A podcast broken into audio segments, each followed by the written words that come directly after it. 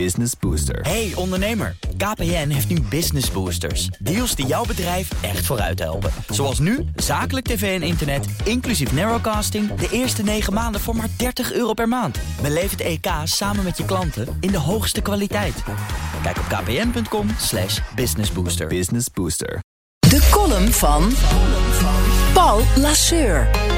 Voorzitter Bruls van het Veiligheidsberaad heeft natuurlijk volkomen gelijk als hij zegt dat werkgevers direct de mogelijkheid moeten krijgen om personeel naar een coronabewijs te vragen. Helemaal in de horeca- en evenementenbranche. Twee sectoren waar alle bezoekers wel een coronatoegangsbewijs moeten laten zien om binnen te komen. Best raar dat ondernemers geen toestemming hebben om dan ook meteen van hun personeel de QR-codes te scannen.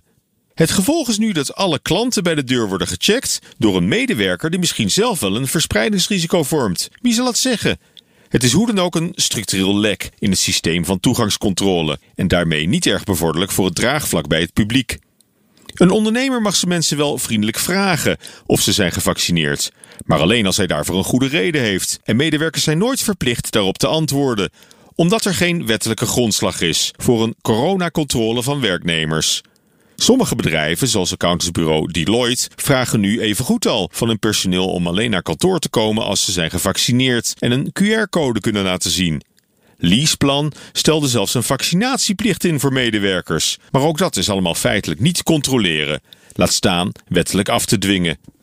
Intussen loopt het aantal besmettingen schrikbarend hard op. Op de Europese coronakaart kleuren grote delen van ons land alweer donkerrood. Het hoogste waarschuwingsniveau.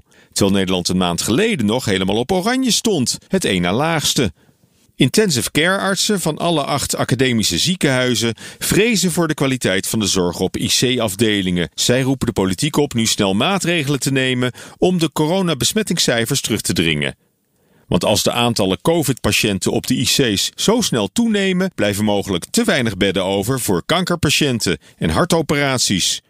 Hoe lang willen we nog doorgaan met deze poppenkast, waarin vaccinweigeraars met hun individuele principes een serieuze bedreiging beginnen te vormen voor de volksgezondheid van ons allemaal? En het kabinet, tegenstanders van een effectief coronabeleid, niet harder durft aan te pakken. Als generieke maatregelen niet het gewenste resultaat opleveren, is het hoog tijd om gericht in actie te komen tegen specifieke doelgroepen.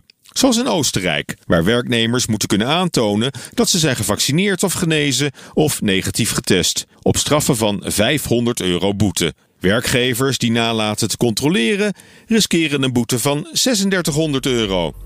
Dus niet meer janken, maar gewoon een prik halen. Prettige maandag. Hardlopen, dat is goed voor je.